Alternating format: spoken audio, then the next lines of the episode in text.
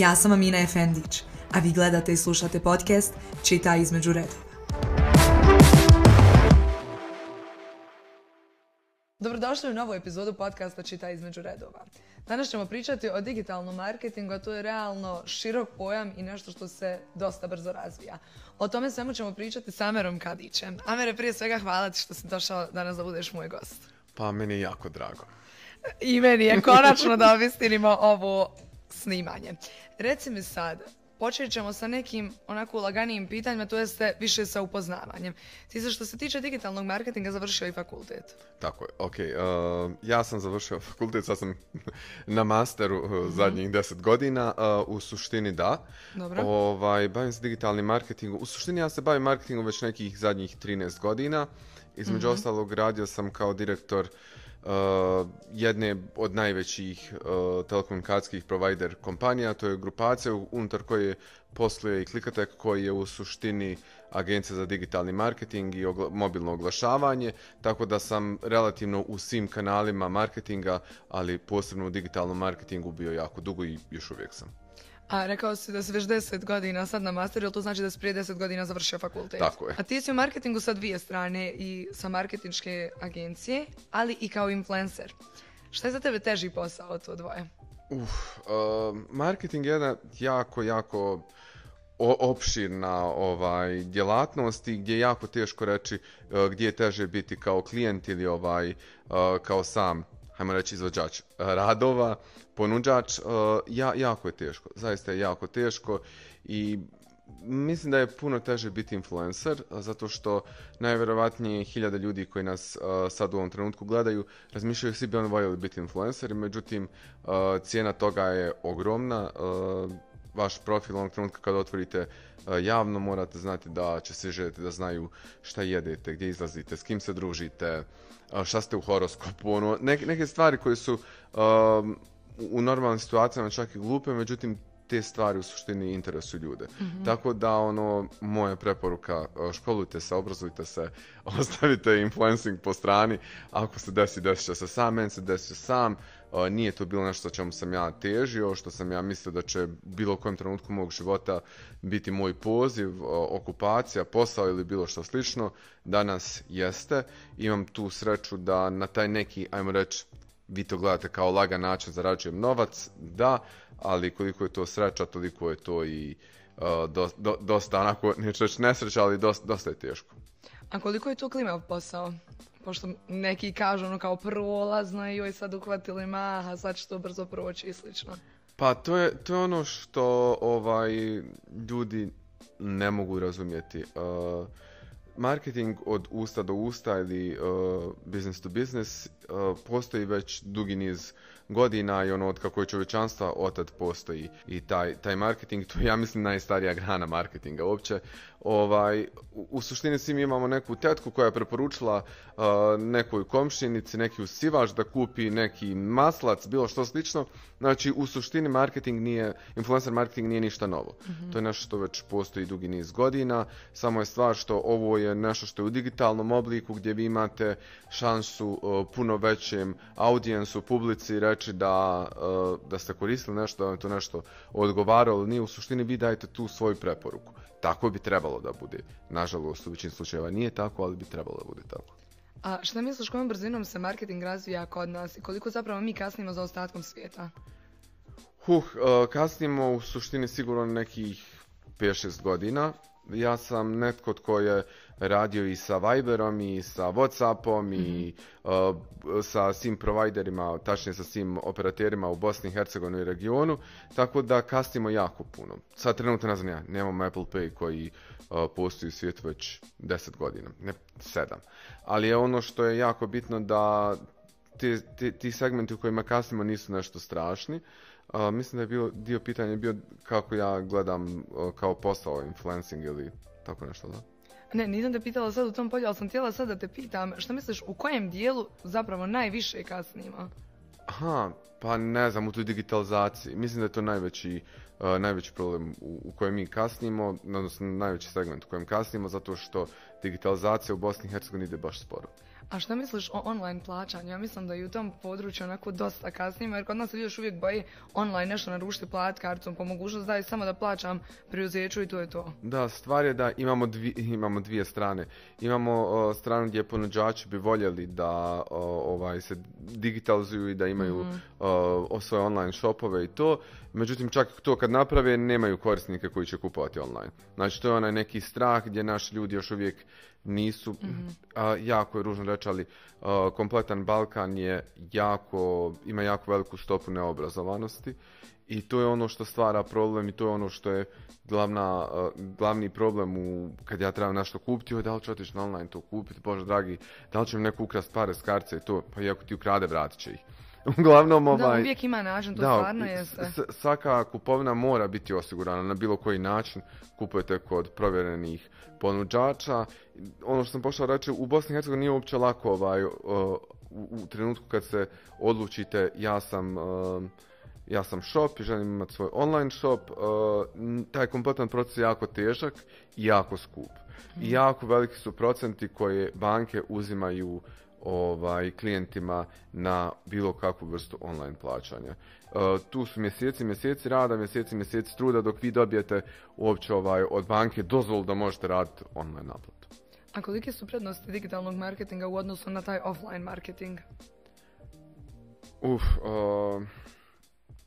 sad offline marketing. Ja, ajde rećemo da je offline marketing i da su elektronski mediji isto dio offline marketinga, iako je to ovaj, isto meni donekle online.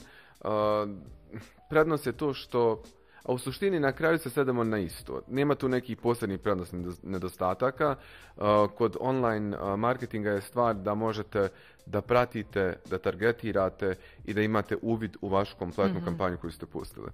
Eh, kada je u pitanju offline, znači televizija, video, print, eh, tu ne možete pratiti. Ne možete biti sigurni koliko ljudi je danas vidjelo vaš jumbo plakat. Iako će vam ponuđač reći tu prođe 300.000 auta, znači 300.000 vozača, 300.000 ljudi je vidjelo. Da, eh, postoji jedan efekt koji se dešava i kod online oglašavanja i kod offline, a to je ta baner sljepoća što znači da samo 14% ispitanika se mogu usjetiti šta su tipa prije sat vremena vidjeli, a da ne kažemo prije 24 sata, jer se desi da jednostavno prođete i ne razmišljate toliko o toj reklami jer ste vi na portalu, na primjer, gdje želite pročitati vijesti. Jer ste na ulici, vozite se do kući i razmišljate šta ćete djeci kuhati ili kako ćete pretući ženu. ovaj, šal na stranu, nisam ni za kakvo nasilje.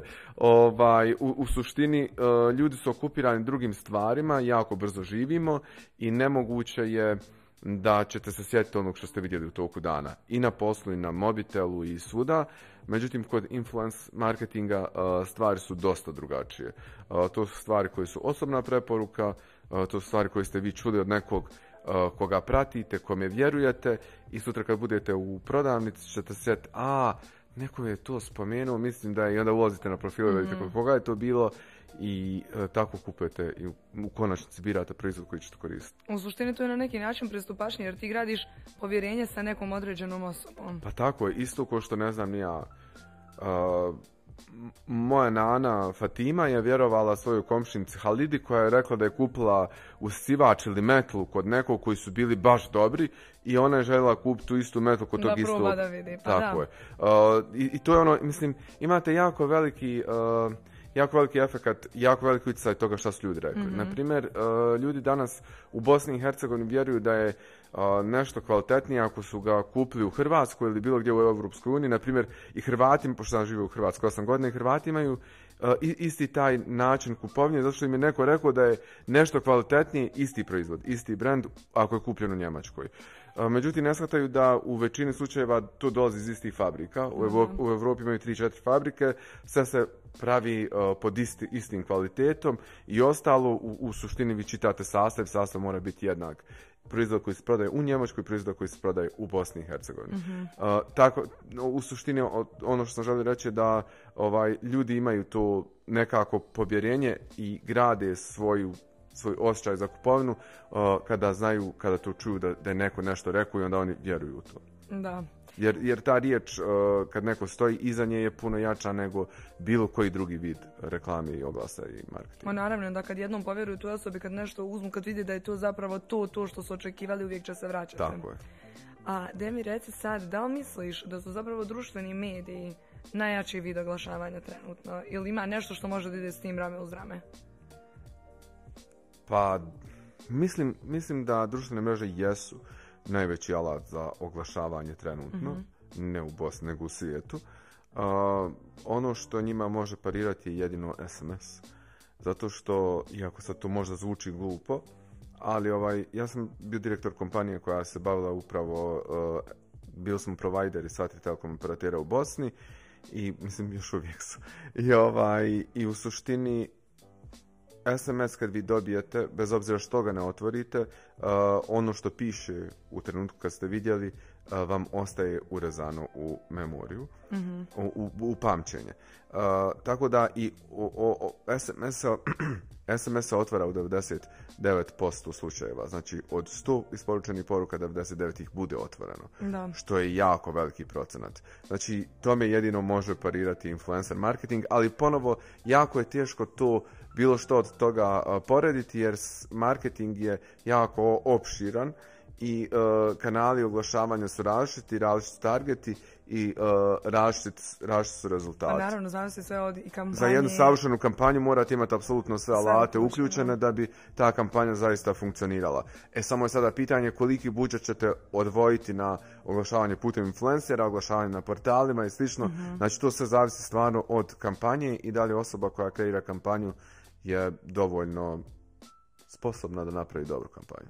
A kad smo već se dotakli društvenih mreža, što misliš koja društvena mreža onako ima najveću moć, da tako kažemo? Najveću prodajnu moć definitivno ima Instagram. Mhm. I to je nešto što je neosporivo. Ehm, sama ta riječ instant je ovaj zavladala svijetom, ljudi vole instant proizvode, sve što je brzo. Uh, napravili, na Instagramu kad su došli su napravili jednu veliku preokretnicu u svijetu u svijetu digitalnog marketinga, ali generalno u svijetu jer su e, korisnici postali dosta povezaniji sa ovaj sa, sa publikom, sa ljudima i to ono što je bitno. Znači dobio si totalno jednu novu dimenziju, ulazak u nešto novo, e, nešto što ljudi mogu vidjeti, mogu osjetiti i to ističe za 24 sata. Da, i dostupan ti je ono nečiji život tu na dlanu i možeš da brat. se povežeš sa ljudima. Veliki brat, ljudi vole, da, ljudi vole reality. I to je razlog zašto društvene mreže žive, jer ljudi vole reality. I bilo koji uspješan influencer je uspješan samo ukoliko daje svoj život na pladnju, na tanjuru, kako god. Jer kad i snimate u toku cijelog dana, velike šanse su da ćete vi rasti. Ako vi imate jedan, dva storija dnevno koji su share ili repost ili bilo što slično, to ne funkcionira. Znači ljudi žele da vide, da čuju vas, da vide vaš lik, djelo, šta vi radite, gdje idete, s kim se družite, koju kafu pijete i tako. U suštini sve privatno. Tako je, da. Pa to je jedan jako veliki reality, to je zadruga na jedan drugačiji način. Da. A šta misliš o TikToku, s obzirom da je to nova društvena mreža koja se pojavila, ili misliš da će ona onako da zaživi, ali misliš da je to ipak nešto prolazno, jer o tom se još uvijek onako priča, podijeljena su mišljenja, neko misli, e pa kad je do sad opstala, ona ide samo još ka gore. Pa TikTok živi jako dugo. Živio i prije, toka, prije TikToka pod drugim imenom, mhm. tako da ovaj, on će sigurno da ovaj ima mislim, neki dan sam baš gledao da ima jako veliki rast u odnosu na 2019. 20. i 21. Ima, TikTok ima jedan od najvećih ovaj, porasta kao društvene mreže u pitanju. Pa sigurno da ima budućnost, kao marketing tool jako mali, jako ograničenu mogućnost, TikTok gledamo ono navečer prije kreveta, prije spavanja, ne bi li nešto novo saznalo, ne znam ja, kako hoćeš šerpu kako super oprat WC školjku, a da je razvijete I tako to ono... ono neke random onako stvari. Random stvari koje su totalno nebitne, ono, ono vas nasmiju, zanimljive su, interesantne su, iako 99% stvari koje tamo vidite nećete primijeniti u stvarnom životu. Mhm. Jako rijetko.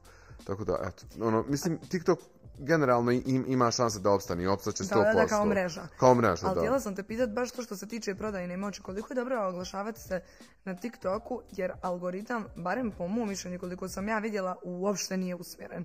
Tu izađe nekom koga to ni ne zanima, ako to sam preskoči. Tako da baš ne možeš da usmjeriš neku publiku. Tako je, kod TikToka je jako veliki problem algoritam koji nije personaliziran, nije prilagođen e, korisniku. Mhm. Što znači da, ne znam ja, ja mogu lajkati e, cvijeće pa ću dobiti reklamu za kolače. Da.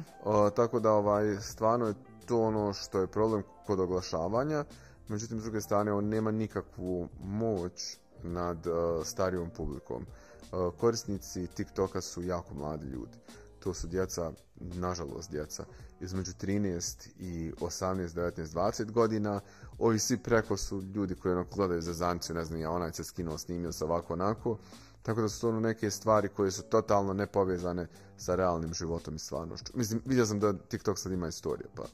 E da, to su skoro uveli, ja iskreno do sad još nisam koristila, nisam ništa objavila na te TikTok storije, ali sam vidjela da su uveli tu opciju, vjerovatno na neki način se pokušava biti kao Instagram, ali opet s druge strane Instagram je uveo Reels format koji je duše nekako bio sličan TikToku.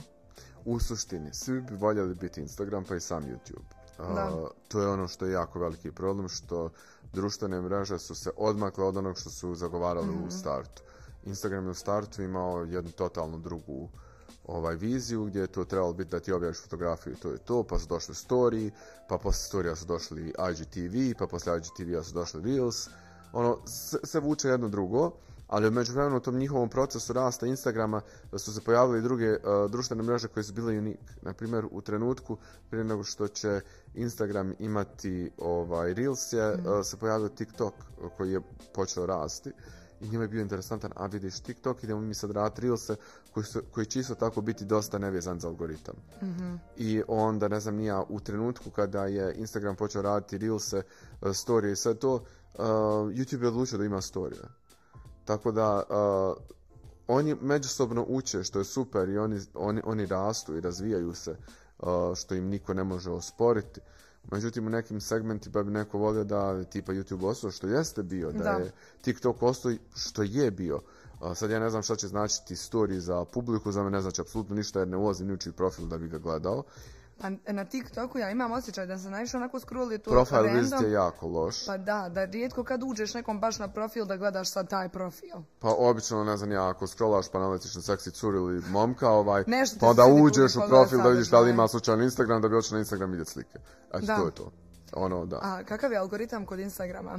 jer o tome se dosta onako spekuliše i nekome se sviđa kako to sve radim. Međutim, većina nije zadovoljna kako trenutno to funkcioniše i kažu da dosta objava ne izlazi na feedu i tome slično. Dok je Instagram imao hronološki algoritam, sve je bilo puno bolje. uh, puno bolje za mene koji sam pratio profile, da bi mogu biti toliko svega, jer jako puno postova, objava, reelsa, svega. Ja, ja preskočim, tačnije ja ih ne vidim iz razloga jer ja nisam dovoljno vremena posvetio tome da bi se scrollo, a s druge strane jer mi nije posloženo hronološki i tu je veliki problem.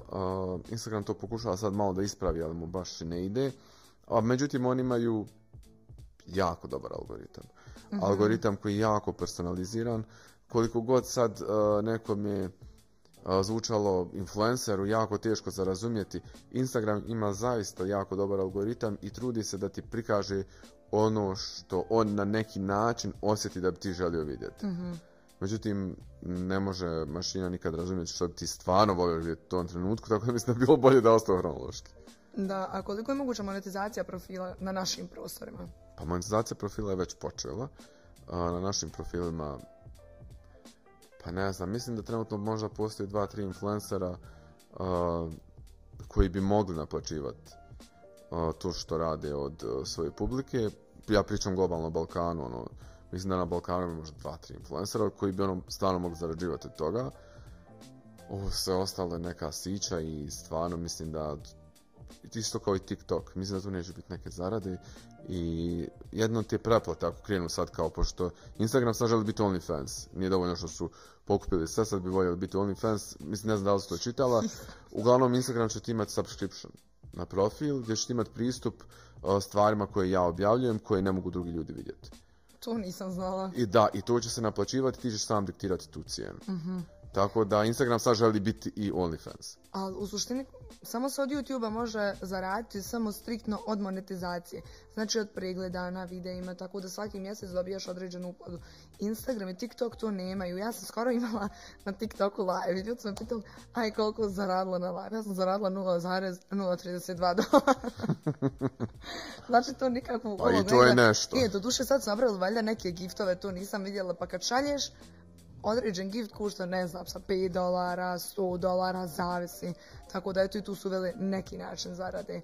A, pa u suštini monetizacija kada je Instagram u pitanju kao kompanija a, postoji već u Sjedinim mhm. američkim mm državama. oni monetiziraju već IGTV i to zato što to isti format trebao bi biti isti format koji se konzumira na mobitelu kao YouTube. Pa to, e to, to na, to mislim. Međutim, to YouTube, ja ne pamtim kad sam pogledao video na telefonu. Većinu videa gledam na TV-u ili na kompjuteru. tako da taj format youtube niko ne može skinuti i imati identičan. monetizacija će najratnije tući i u Europu i na Balkan, mislim da čak i u Europu već stigla. Uglavnom, na, našu na bi trebala stići, koliko ćemo zarađivati od toga je zaista nebitno zato što Instagram većinu sadržaja već pokrivaju kod influencera, pokrivaju sponzori, tako da tu ne mogu da se gura ništa, to je već mhm. označeno kao je... Ma dobro, ovo više bilo onako usporedba da, ostatkom da vidimo koliko zapravo kasnimo. A koliki je strah da sponzori neće raditi sa jer znam da se o tome ono, isto priča, joj, ako sad Amer dobije sponzora, ja ga neću dobiti. I ljudi tako ono, međusobno znaju podmetati kuke jedne drugima, jer kontaju da nema dovoljno mjesta za sve. Pa ja mislim da, što bi naš narod rekao, svako ima svoj na faku i niču na faku ne može da uzmeš. Mhm. ja sam sam bio iskuš, isku, iskusio uh, puno puta tu neku bitku između influencera ko će šta da dobije ili ko će koga oblatiti uh, da, zna se da se tako klijent ima budžet za neku kampanju da on planira angažirati pet influencera i ako sam ja možda šesti Uh, onda ne bi trebalo da trudim da bilo kojem od kolega ovaj, pokvarim suradnju, ali se to dešava.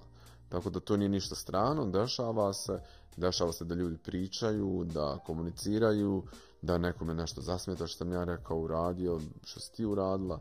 Uglavnom to se dešava i to je skroz normalno, međutim svako ima svoj na faku bez obzira šta ko rekao na kraju, sve se to nekako posloži ali u suštini je najbitnije da se ta podudarnost između proizvoda i osobe koja će ga reklamirati. Koliko to kod nas ljudi znaju zanemarivati, kiksati, gledaju neke personalne možda stvari, da li mi se sviđaš ti ili mi se ne sviđaš. E tu dolazimo do problema agencija i mhm. ljudi koji rade u agencijama. Uh, generalno social menadžeri bi uh, morali biti ljudi koji prate se influencera u regionu na kojem posluju. Mhm. Da bi tačno znali kad se njemu javi klijent i kaže slušaj ja želim da promoviram ribu, da bi vam mogao reći, e, znaš, onaj influencer jede ribu, pa neću budžet podijeliti na pet influencera, nego ću dati isključivo jednom i reklamirati ribu.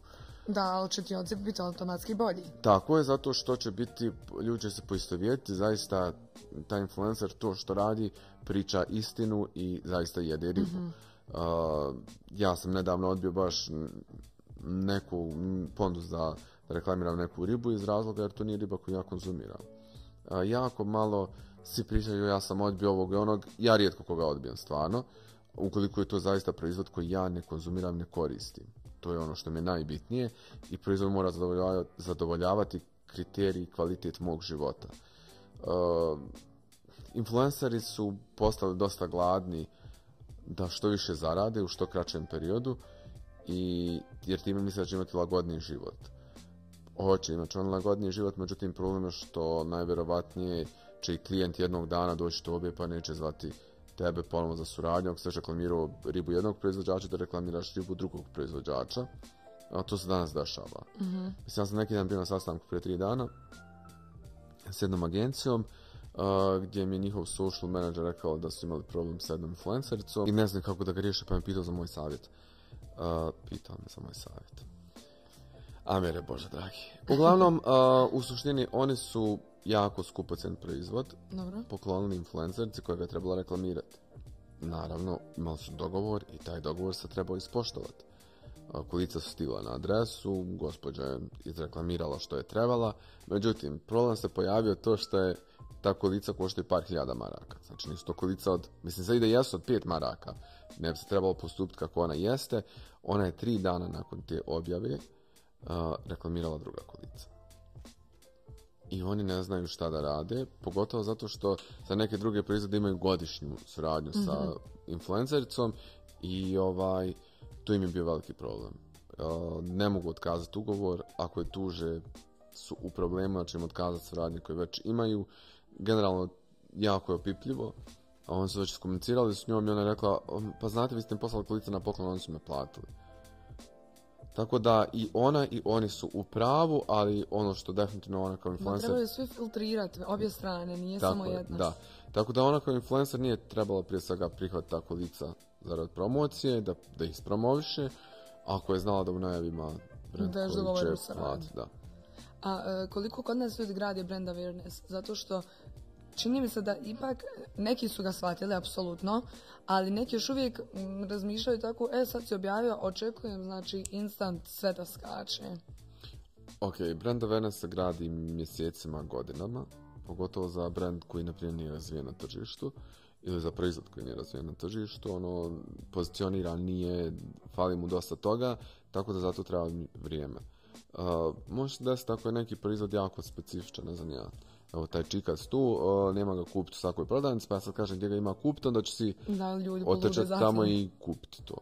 Međutim, ovaj, neke druge stvari, kozmetički preparati, proizvodi, Uh, nešto što i sam influencer mora da koristi mjesecima da mogu reći da je dobro mhm. i ta kampanja mora da traje da bi ovaj dala neki rezultat. Pogotovo da bi izgradila brand awareness. Čak i prodaju možeš dobiti koja je instant, ali isto tako ta, prodaja je bila instant. E, jako bitno je održati kontinuitet i u prodaji i u svemu i to je ono što u nekim situacijama klijenti ne razumiju, u drugim situacijama influenceri. Pa potrebno je održati kvalitet sa obje strane. Tako je. To je ono što je najbitnije. Da li ljudi, sad kad smo se dotakli već toga, gledaju na kvalitet ili se ipak malo više služe možda nekad kvantitetom? Ja, jako je mali broj ljudi koji influencera u regionu koji se služe time da oni zaista mora isporučiti kvalitet, mhm. jako puno ih radi kvantitet.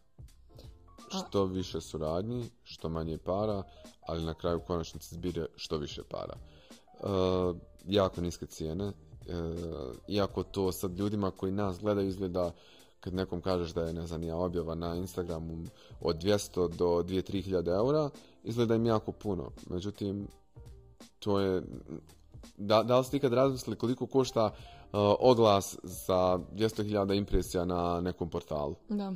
Nikad niko to, to tako ne razmišlja. Influenceri jesu mediji. Influenceri jesu oglašivačka...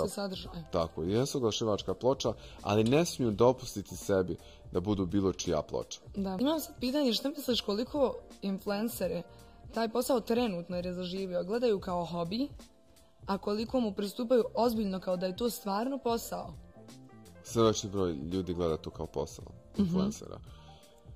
Uh, I to je super, uh, zato što su oni onda dedicate tome. Uh, influencer zaista jeste posao koji se radi full time mm i kad kažem full time, ja zaista mislim od, onog trenutka od kad se probudiš do onog trenutka kad legneš spavat, uh, ti si cijeli dan na radnom mjestu. Da.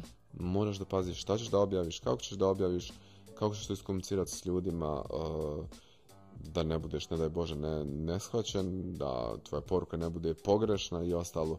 Zaista, zaista jako, jako, jako puno laganja, truda je u profil bilo kojeg influencera, i onog s 10, i sa 110 jada. Dobro, tu ima puno i pozadinskog rada, dok ti osmisliš sadržaj, dok ti regušiš kad ćeš ići na koji sazna kakvo snimanje, još ako imaš više društvenih mreža. Sad kad sam spomenula više društvenih mreža, jel misliš da je bolje držati se jedne platforme ili širiti svoju publiku na sve društvene mreže? Ok, lijepo imati uh, e, profile na svim društvenim mrežama. Dobro. Ja mislim da zidar može biti dobar samo kao zidar. mm Nešto za zidara da vam lijepi keramiku. Dobro. E, tako isto gledam i na ostale platforme jer su dosta različite. Mhm. Što znači da ja mogu biti savršen content kreator za Instagram, savršeno komunicirati s brandovima, sa publikom, ali to ne znači da ću ja znati savršeno komunicirati s ljudima na TikToku. mm Isto tako to ne znači da ću ja savršeno moći komunicirati s ljudima na YouTube. A jel misliš da je dobro da imaš jedno što ti je primarno, ali da ga ipak malo razgranaš? To svakako. ja ne osporavam to da, kao što sam teć rekao na, na početku na, na pitanju, uh, ok imati profile na svim društvenim mrežama. Ali jedno mora biti primarno. Da, jedno mora biti primarno i sve u suštini ostale društvene mreže trebaju biti mreže koje će samo novu publiku dovesti do vašeg profila na platformi na kojoj poslujete ili koju uređujete. Dobro, to naravno, to razumijem, ali mislim da svakako kad se probudiš i kad kreneš tako nešto da radiš, uvijek je nešto primarno i mislim da evo ja snimam i za Instagram, i za YouTube, i za TikTok. Sve i da hoću da ih uklopim, da budu podjednake, nema šanse. Meni je Instagram primarni jer ga ja lično najviše volim i tu se najviše pronalazim. Sad evo, ako mi je bio sada kao tu pa sam nešto htjela usput snim, možda usnim nešto se pačno, da, pa ću podijeliti. Ono što je jako bitno, sad će ljudi hejtati, je da TikToker nikad neće biti Instagramer. Mhm. I to su dva različita formata. A neko će biti, ono, uskočit će u riječ i reći će da možda prenose publiku i imaju možda nekad bolji engagement, on influencera. Jako teško jako teško i imaju, mogu oni imati hm, Mogu oni imati dobar uh, engagement zato što su njihovi konzumeri djeca. E, pa onda oni djecu koja imaju profile na Instagramu koji roditelji ne kontrolišu mogu privući na svoje mhm. profile kako se oni glupiraju i to. Uh, međutim, zaista uspješan Instagramer ne može biti čovjek koji započeo svoju karijeru na TikToku čovjek koji je započeo karijeru na YouTube može biti jako dobar na Instagramu. Zato što Dobro, YouTube ja, je ono jako sličan. se ne bi složila da baš ne može. Ima slučajeva i gdje vidimo nešto suprotno po mom mišljenju. Pa da, ali ne znam da li sam na tim profilima možda vidjela da imaju neke posebne suradnje ili nešto. Da Sadržaj im je baš dosta sličan. Na, e, mislim, zavisi, naravno, razumijem što hoćeš reći, ali ne bi baš se usudila reći tu riječ nikad. pa ja, ja, ja, ja kad je kažem, ono, kažem iz, iz iz razloga jer pratim, ono, ja pratim i TikTok i Instagram i uh, sadržaj koji ja vidim na TikToku ne želim vidjeti na Instagramu. Mhm. Ali ovo, ovo priča neko ko ima 34 godine. Ne mora znači da će moje mišljenje imati neko ko ima 20 godina. Dobro, naravno, sve od No može njemu interesantno da isti taj sadržaj vidi na Instagramu. Mhm. Meni nije. Instagram doživljavam dosta ozbiljnije, dosta drugačije, i drugačije mu pristupam. Iako zaista ja volim TikTok i provedem sigurno jedan sat dnevno onako prije spavanja na TikToku, nekad i više. Ali ovaj, poenta ovog mog komentara da neće biti nikad, neće imati e, suradnje, ako su počeli svoju karijeru na TikToku, ako su zaista uspješni na TikToku, uh, neće imati na Instagramu suradnje kako ima njihov kolega koji je počeo svoju karijeru na Instagramu mislim, to nisam sigurna šta bi sad rekla, jer mislim da se nekako TikTok još uvijek razvija i to ćemo tek vidjeti kroz određen period. Možda neko uspije da zadrži i publiku i da to još više raste, da to bude pravi boom tako da možda uspiju pokupiti i taj dio, ali mislim da to tek treba nekako da se desi. Pa vidi, generalno moguće da se to desi, ali tipa YouTube koji je jako razvijen. Mhm. ja znam stotine YouTubera koji su jako uspješni, koji imaju milione pregleda na YouTube stranih. Uh, koji na Instagramu imaju po 20-30.000 followera. Iako se zaista trude i objavljuju se redovno i sve. Znači, vidiš da čak i uh, platforma koja je sigurna podloga za Instagram nekad nije sigurna. Uh, isto tako smatram da TikTok je baš onako TikTok, Snapchat. To je meni isto. I isti kontent, isti konzumeri, to mi je baš isto. Da, pa dobro, to je to, mišljenja su generalno podijeljene, evo čuli smo sad dvije perspektive, ja generalno mislim da je stvarno najbrže rastuća mreža i da se razvija nenormalno i daje puno prilika. jedna od sestri Kardashian, ne znam koja, dobro, koja je napustila Snapchat? Eto, Kylie kad je napustila uh, Snapchat, e, Snapchat je doživio ogroman pad dionica i ogroman broj uh, usera. Mhm. Što znači da jedna osoba je bila dovoljna da te dovede u pitanje. Instagram svakodnevno napuštaju razno razni ljudi i opet mu se vraćaju, mhm. ali u trenutku kad ga napuste, dionca Instagramu ne padaju. Da. Instagram se ne brine za svoj opstanak ako ga napusti 5, 6, 10 ljudi. dok Snapchat i TikTok imaju baš jako veliki problem. Što će se desiti ako vodeći ljudi na njihovim platformama odu? Bilo ko, od nas nije 20-30 ljudi koji se tamo ono, imaju milijone pregleda, šta se desi ako ih izgubimo? Da li, će, da li će nam da li će past pregledi, znaš kao, da li će past broj korisnika, ta osoba prelazi na novu platformu, zašto je otišla odade, sve to jako ono, mislim, mogu sad biti baba vanga pa reći bit će tako ili ovako, ali generalno ponovo sam i dalje držim taj svoj stav da neko koji je tiktoker ne može biti uspješan Instagramer, uspješan u smislu da privuče e, klijenta, da privuče publiku i masu koju može privući na TikToku. Poštujem, razumijem, samo ja nekako sa svoje tačke što smatram da je opipljivo i da će vrijeme pokazati da se samo oko tih nekih Da, sigurno će vrijeme pokazati, da, ono. da, A što misliš kako napredujemo sa razvojem afilijata, odnosno partnerskog marketinga? ja sam radio afilijat samo na jedan drugi način u kompaniji gdje mhm. sam radio. E, Affiliate je jako dobar tool za prodaju za, za mene kao ponuđača. Za influencera je jako opipljivo. Mhm. Zato što može biti proizvod koji će influencer da prodaje kao lud. Dobro. Ako je neki specifičan proizvod. ako je to još jedan niz proizvoda koji možete kupiti bilo gdje, onda ga nećete ni prodati. A, tako da taj affiliate je onako mač sa dvije oštrice. ja sam imao bezbroj ponuda da imam suradnje koje su na bazi afilijeta. Možda mi čak neke donijele puno više novca nego plaćena suradnja. Ali jednostavno nisam imao volje, želje, živaca da se bavim time, da to pratim, da li će me taj klijent zeznuti, da li će dobiti zaista stvarne brojke i to ono, prekomplicirano je to. Dobro, ima više faktora koji na to utječu. Da. je sigurno jako dobar tool za neko ko, ko želi prodati nešto ja, smatraš da je dobro da influenceri granjaju svoju karijeru nekako i van influenca, znači nije sad, ne mislim više na društvene mreže da granaju sad YouTube, TikTok, Snapchat, šta god, nego da granaju da možda pokrenu nešto svoje, da imaju neku svoju prodaju, da imaju neki svoj shop, bilo šta.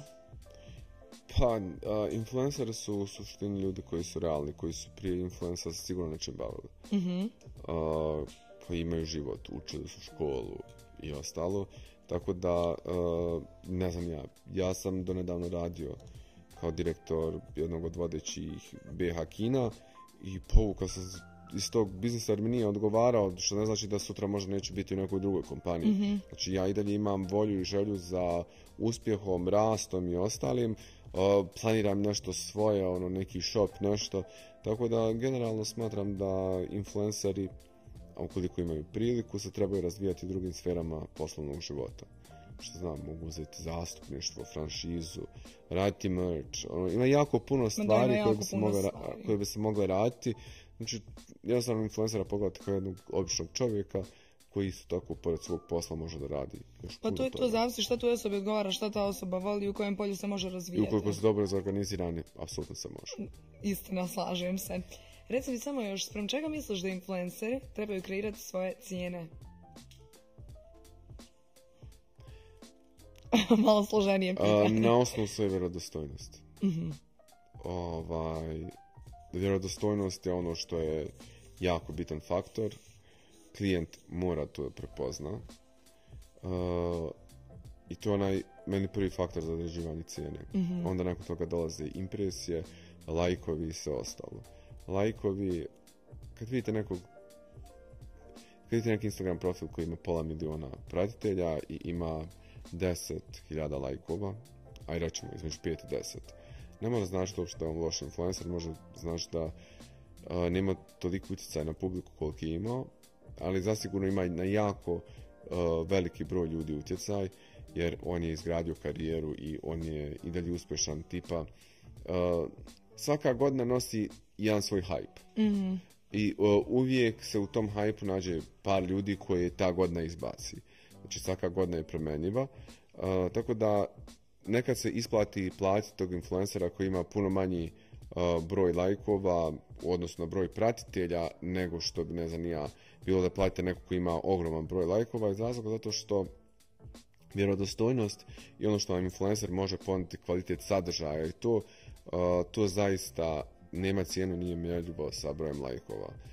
S druge strane, jako malo, jako malo poslanika marketing agencija, makar u Bosni i Hercegovini sam se ja susreo, da gledaju i odrađuju cijenu na osnovu impresija. Mhm. Zato što, na primjer, tvoj post može imati 100-200 hiljada impresija a može imati 5000 lajkova. Da, da, da. Ne, može, može se da ne znam, ja nekom se ne sviđa tvoja faca pa ni lajku ili nešto slično. A, to, ono, jako, jako ali puno sitnica, da. Ali je stvar da je to vidjelo 100 ili 200 ljudi. Zakup na internet portalima za 100 do 200 hiljada impresija košta jako puno ljudi. Znači, stvarno to nisu male cifre. Mm-hmm. CTR ili... CTR i CPM se ne mogu porediti, zato što to su dva termina koji influencer čak mislim ne poznaju. CPM je cost per mile i to je način na koji najčešće internet portali naplaćuju oglašavanje. cost per mile znači da ti naplaćuješ cijenu po hiljadu pregleda. Sad znam se da influencer ima cijenu na hiljadu korisnika koji su vidjeli njegov post. I onda uzmete da internet portal ima CTR, to je click through the rate, to je znači koliko klikova je bilo na oglas, koji je 0,005%. Znači vi zakupite 10.000 impresija i možda vas tvoje ljudi klikne. Da. jako teško je to pojasniti u agencijama ljudima koji i, i generalno ljudima sad ja kad pričam ovako, uh, svi influencer razumiju ne znam ja kakve pare. To su jako male pare u poređenju s onim što oni daju brandu. Dobro, to je nešto što se pojavilo u suštini relativno skoro, tako da je novo na tržištu. Ja razumijem da treba vremena da to nekako zaživi i da to ljudi prihvate. I mislim da već idemo kad, onako na dobrom smo putu. Jer ja kad uporedim, kad sam se krenula baviti influencom prije četiri godine. I sad, stanje je mnogo drugačije i ljudi mnogo profesionalnije i ozbiljnije pristupaju tome. Pa e, stanje je drugačije, ali tipa e, portali su i tada i danas imali cijenu. Mhm. I oglašavanje na njihovom portalu je bilo određeno nekim njihovim cenovnikom. Danas ti kad pošalješ cenovnik klijentu, on se cijenka s tobom. to A zamisli da mu kreiraš cenovnik koji je baziran na tvojim impresijama da uradiš istu stvar koju radi portal. tako da mislim da generalno nikad neće doći do tog nivoa, iako mhm. u Americi, čak i u nekim gradovima u Europskoj uniji to funkcionira tako, u Bosni mislim jako teško regionu generalno, ali da. Znači ono, postoji taj, taj odnos koji vremenski koji ne znamo da li će donijeti bolje sutra ili će ostati isto. Ja mislim da se neće puno stvari promijeniti prije nego se prešla tamo na igricu, recimo još, da li smatraš da treba neki određen kurs da budeš influencer i da li mogu nekome ko stvarno želi da se bavi tim pomoći kursevima? molim te. Kolega influencer rade kurseve. Dobro. većina kolega influencera nisu obrazovani i nemaju iskustva u uz svo dužno poštovanje to što ja danas objavim sliku, stavim story i sve ostalo, ja sam content kreator to me ne čini marketing ekspert. Dobro, možda neko e, ima svoj kurs da te nauči kako je on možda došao da ti prati, na koji način kreira slike, na koji način kreira sadržaj i tome slično.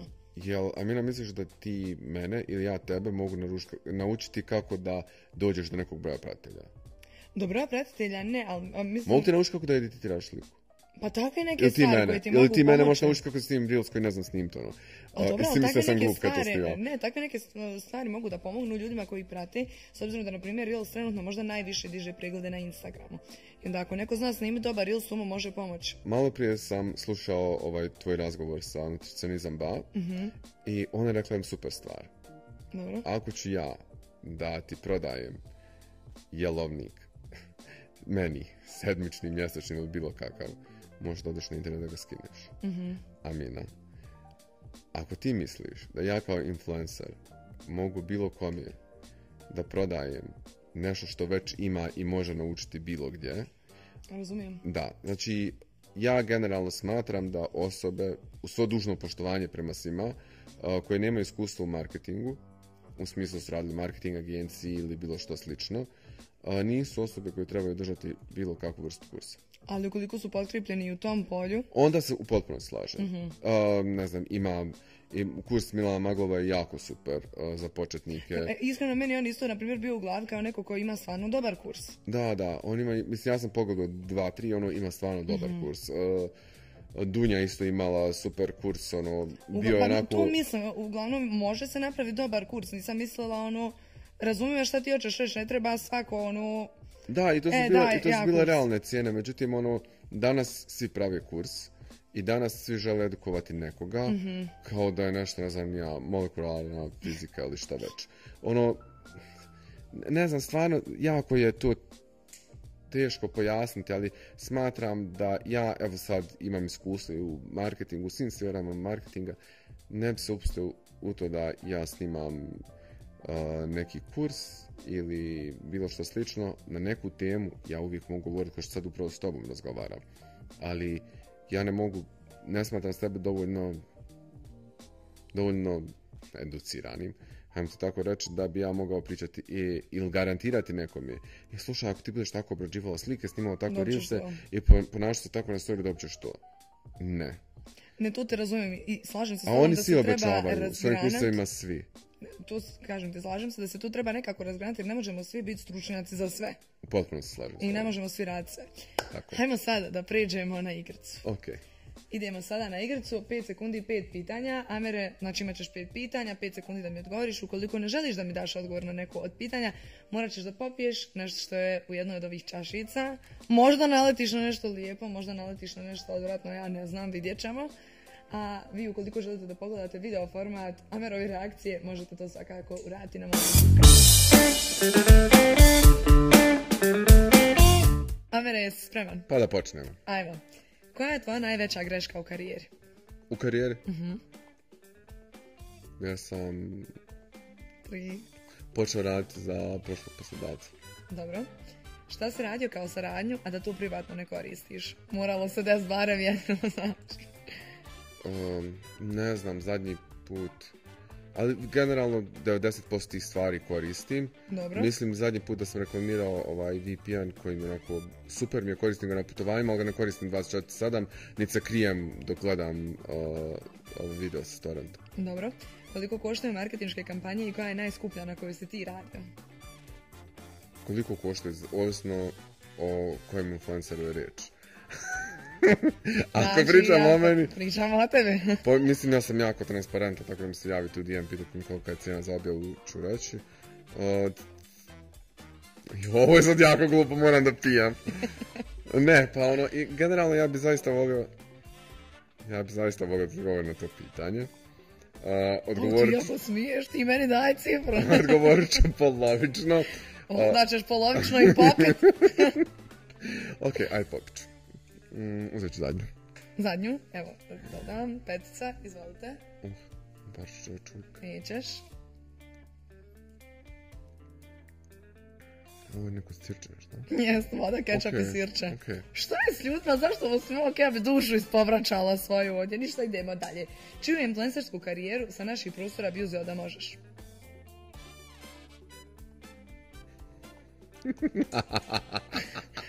Ajmo, jedan, dva... Okej, eh, mora biti muško ili žensko? Nebitno. Pa ne znam. kao da uzmem da budem ja tu. Da. Pa Dunja. Dobro. fashion babe. Ja se apsolutno slažem i meni ona profil jako... Mislim, ima tu neke stvari, puno stvari koje bi ja promijenio, ali onako pa sviđam sa njene energije. Svi imamo neki svoj pečati i svako bi radio na svoj način. Dobro. Ko te od influencera razočarao kao prijatelj? Pa ok, bio je influencer iz Tuzle, kojim sam ja onako dao svoje prijateljstvo i smatrao da imamo neki ok odnos gdje možemo normalno komunicirati i ispostavilo se sam ja pogriješio, da je osoba jako doglaba, svoja glava i danas ne komunicira. Dobro, ništa, eto, to bilo to, preživio se. I to jedno što si popio, nije ti bilo tako strašno. Ništa nije strašno. bilo da si ti kreator, znači u poziciji influencera ili da se radi o brendu. Da li misliš da je bolje da imaju neki određen sadržaj kojim se vodi i da to plasiraju i nude? Ili misliš da je bolje da imaju neki raznolik sadržaj, znači da to ne bude onako monotono, nego čisto eto, ako ja sad radim neki ozbiljan sadržaj, da li je možda ljudima forca da nekad uradim nešto smiješno ili tome slično? Joj, prije par dana sam imao komentar, e, jedna djevojka je snimila neki neozbiljan reels, tačni TikTok e, koji je postavila na Reels i, a ona je inače jako ozbiljna na, mhm. društvenim mrežama. Meni to bilo jako zanimljivo. I to što ona malo skrenula s te ulice mi ide konstantno je meni bilo zanimljivo jer to je možda njeno pravo lice, e, možda ona zaista zanimljiva tako u privatnom životu i bilo mi je super to vidjeti. Tako da smatram i mislim da e, ljudi trebaju raditi samo ono što ih čini sretnim. Mhm. Ako se čini sretnim da snimite video kako ne znam ja skačete u hladnu vodu, snimte video. Mislim, ono, stvarno, toliko, toliko toga je, ako vas to čini sretnim, napravite to. Zašto to ne biste znači, napravili? Sve ono što čini tebe kao Da, mislim, kao bit će mi zanimljivo, može biti, možda neće biti zanimljivo stotnih hiljada ljudi, ali bit će pet ljudi će biti Naravno, se Neko će se poklopiti s tobom. To je ono što je najbitnije, biti sretan. A koliko efekta imaju plaćene reklame? Kad kažem plaćene reklame, mislim sad na Instagramu da ti uplatiš onu na primjer za story, da bude sponzorizovan i da izlazi određeno, Jako e, dobro je. Da, Dobro prolazi. jako puno, to su imprese koje ljudi vide, mm-hmm. a, to stvari koje prolaze. znam jako puno influencera koji u toku sedmice imaju sponzoriran od 2%, a namjerno ih sponzoriraju sa 20 do 50 eura da bi oni sebe pušali i tako došli do većeg broja publike. Što pozdravljam, to rade svi Amerikanci, Europljani, svi ono god želi da se ispromoviše. Znači, bil nije bitno da li promovišete sebe ili neki proizvod, ljudi to rade, super je, ima efekta i efektivno. Mislim da Pored impresija dobro... dobijete neki rezultat, CTR, svašta nešto. Pa mislim da je tu dobro što se može dobra publika targetirati. Da, možete targetirati uređaj, publiku, državu, sve. sve. A na kojoj društvenoj mreži misliš da taj vid reklame najbolje prolazi? Facebook. Facebook? Dobro, a koliko se koristi Facebook danas kod nas? Ja mislim da je još uvijek onako ostao u životu ili je potisnut? Facebook je društvena mreža, mislim, s najvećim brojem je registriranih unique usera. mm A, koliko god se o mlađoj populaciji činilo nemogućim, zaista vaše očevi, majke, djedovi, bake, nane, svi sigurno imaju ovaj, Facebook, imaju Viber, imaju Facebook. Mhm. I su mi te slike kad ih vidi na Facebooku, ono ne mogu ničim platiti. Tako da mislim da, ovaj, da je Facebook najbolji, pogotovo ako reklamirate nešto što njima privlačno. Tu se slažem i znam da taj vid reklamiranja najviše koriste. taj vid reklamiranja znam da najviše koriste. Pa nije dobro sam rekao. Pa ne, zavisi stvarno šta, e, šta tražiš, šta targetiraš, ali to onako taj Do, doslovno, da, rekao gdje najbolje prolazi. Savršen, savršen. Fabrika namještaja će sigurno imati puno mm. uspješnu kampanju na Facebooku, nema na Instagramu. to vjerujem. Zato što puno više žena sjedi i gleda Facebook. Facebook. Da. A jel taj vid reklame bolje radi u video formatu ili foto formatu? Tu je zaista jedno zato što sad, ne znam da li si primijetila, Facebook reklame kako izgledaju, tačnije Instagram reklame izgledaju isto vi možete imati unutar uh, tog svog uh, plaćenog posta uh, možete imati ili story, tačnije pet storija jedan za drugim, četiri, četiri, ili možete imati četiri posta pored jedan mhm. za drugog. Tako da je svejedno će taj post biti u video možda formatu, će biti story ili može napraviti kombinaciju koja može super proći. Obično mislim da najbolje prolaze kad na Facebook stave zdravo ja sam brankica, kupila sam ovaj masažer za leđa i stvarno mi je super. Mhm. to, je u suštini influence. Dobro, a Tako na Instagramu? isto. Isto, isto, isto. jako često prolaze neke fancy reklamice, ono, ali ako sad neki mali shop koji želi prodati trenerku, onda isto, kupao sam u trenerku, super mi je ono, odlična kvaliteta i tako to, da ne kažem ove fake butike koji kažu 100% original. A koliko je copy bitan, to je sve u opis na slikama, da li tu ljudi ostavljaju po strani, koliko utjecaja ima? Prva rečenica. To Samo je to. bitno. To je to. E vidiš, ja sam skoro gledala i slušala nekog e, marketing stručnjaka koji kaže da misle da se baš kopija ostavlja previše po strani i da može da bude jako dobro što za engagement, što za prodaju. Ja sam nekako iskreno ne, ali, ali s njim. ja se potpuno slažem, ali je stvar da prva rečenica tako ostavlja utisak. Jer ona se i vidi. Da li ćeš znači, čitati? Vidi, e, kad ti vidiš post, ti vidiš prvu rečenicu. Mhm. Ona odlučuje o tome da li ćeš ti ući u ostatak, jer ti imaš ono više. Pa dobro, ono, ono, najbitnije to se slažem. Ta prva rečenica je jedno što se čita i to je najbitnije. A da li ćeš ti otići na taj profil ovisi o kvalitetu te e, prve rečenice. Tako da ta prva rečenica je u suštini najbitnija. Pa dobro, ali znam, ono, ljude koji generalno uzmu tipa iz nekog briefa, ali što sam ono, prekopiraju, zalijepe i to je to, bitno da je slika dobra. U tom smislu sam da se ne treba samo zanemarivati. Ne, naravno se ne treba zanemarivati, pogotovo ako je riječ o plaćenoj suradnji i slično, ono, treba se zaista dati svoj pečat, svoj utisak mhm. na to i ta prva rečenica treba biti razlog zašto bi ljudi ušli i pročitali ostatak Dobro, naš pečat je najbitniji za sve. Tako. Koliko je nešto što radimo kod nas na našem tržištu moguće raširiti globalno? Pa moguće. Moguće. Uh, u Sarajevu, ja, ja igrom slučaja poznam jednog dečka iz rijeke mhm. uh, koji je počeo sa jednom prekul idejom za krompir dobro. I uh, od tog krompira je napravio franšizu i došao do Amerike. Tako da sad zamisli da ti ima u Dubaju, u Australiji, u... Uglavnom moguće.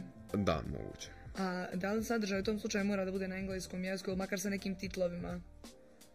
Čisto da bi široj masi bio... Pa vidi, ideja je najbitnija. Ti počneš od uh, mjesta gdje živiš i boraviš. Mhm. I onda kad ti dosegneš određenu prodaju i level avernesa, brand onda se širiš dalje. Širiš, se na susjednu Hrvatsku, Srbiju, Crnu Goru, Makedoniju. Znači onako, to ide jako postepeno, ali svakako je moguće se proširiti globalno. A što se tiče web shopova, koliko je to zastupljeno kod nas? Jako malo. Malo prije smo pričali, rekao sam te razloga mhm. zašto je to tako. Skup je proces, e, jako malo korisnika koji koriste web shop.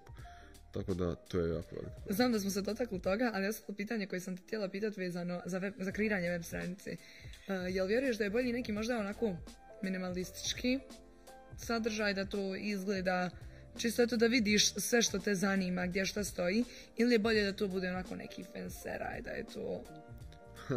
jako bitno je da je to minimalistički, da vidiš mhm. ono pošto se došao, isto, kao, kad, kao, isto kao kad dođeš u butik, Uh, voliš da se posloženo da nije tako je.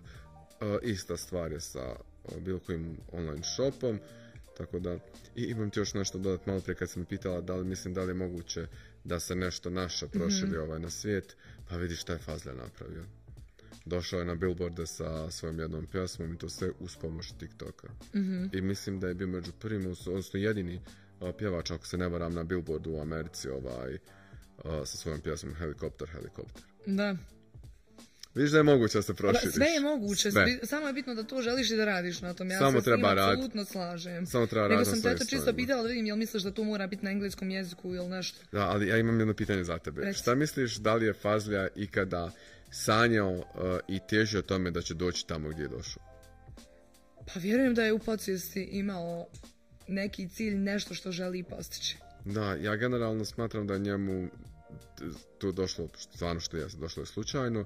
A možda u tom momentu došlo spontano, da nije očekivao da će biti s tim projektom ili tako nešto slično, ali vjerujem da je morao da radi na tome jer ne bi se desila ta pjesma u da on nije težio nečem takvom. Tako je, znači da, da je on odustao nakon prve kafane Možda mu nekad neko ne zna špjevat. Pa znam da je čovjek, čovjek odustao, ne bi danas bio tu gdje e pa, jeste. na, na to mislim. Kažem, Samo treba rata mislio... svojim snovima, ciljevima i sve mogu. Da, slažem se. Recimo za kraj citat kojim se ti badiš život.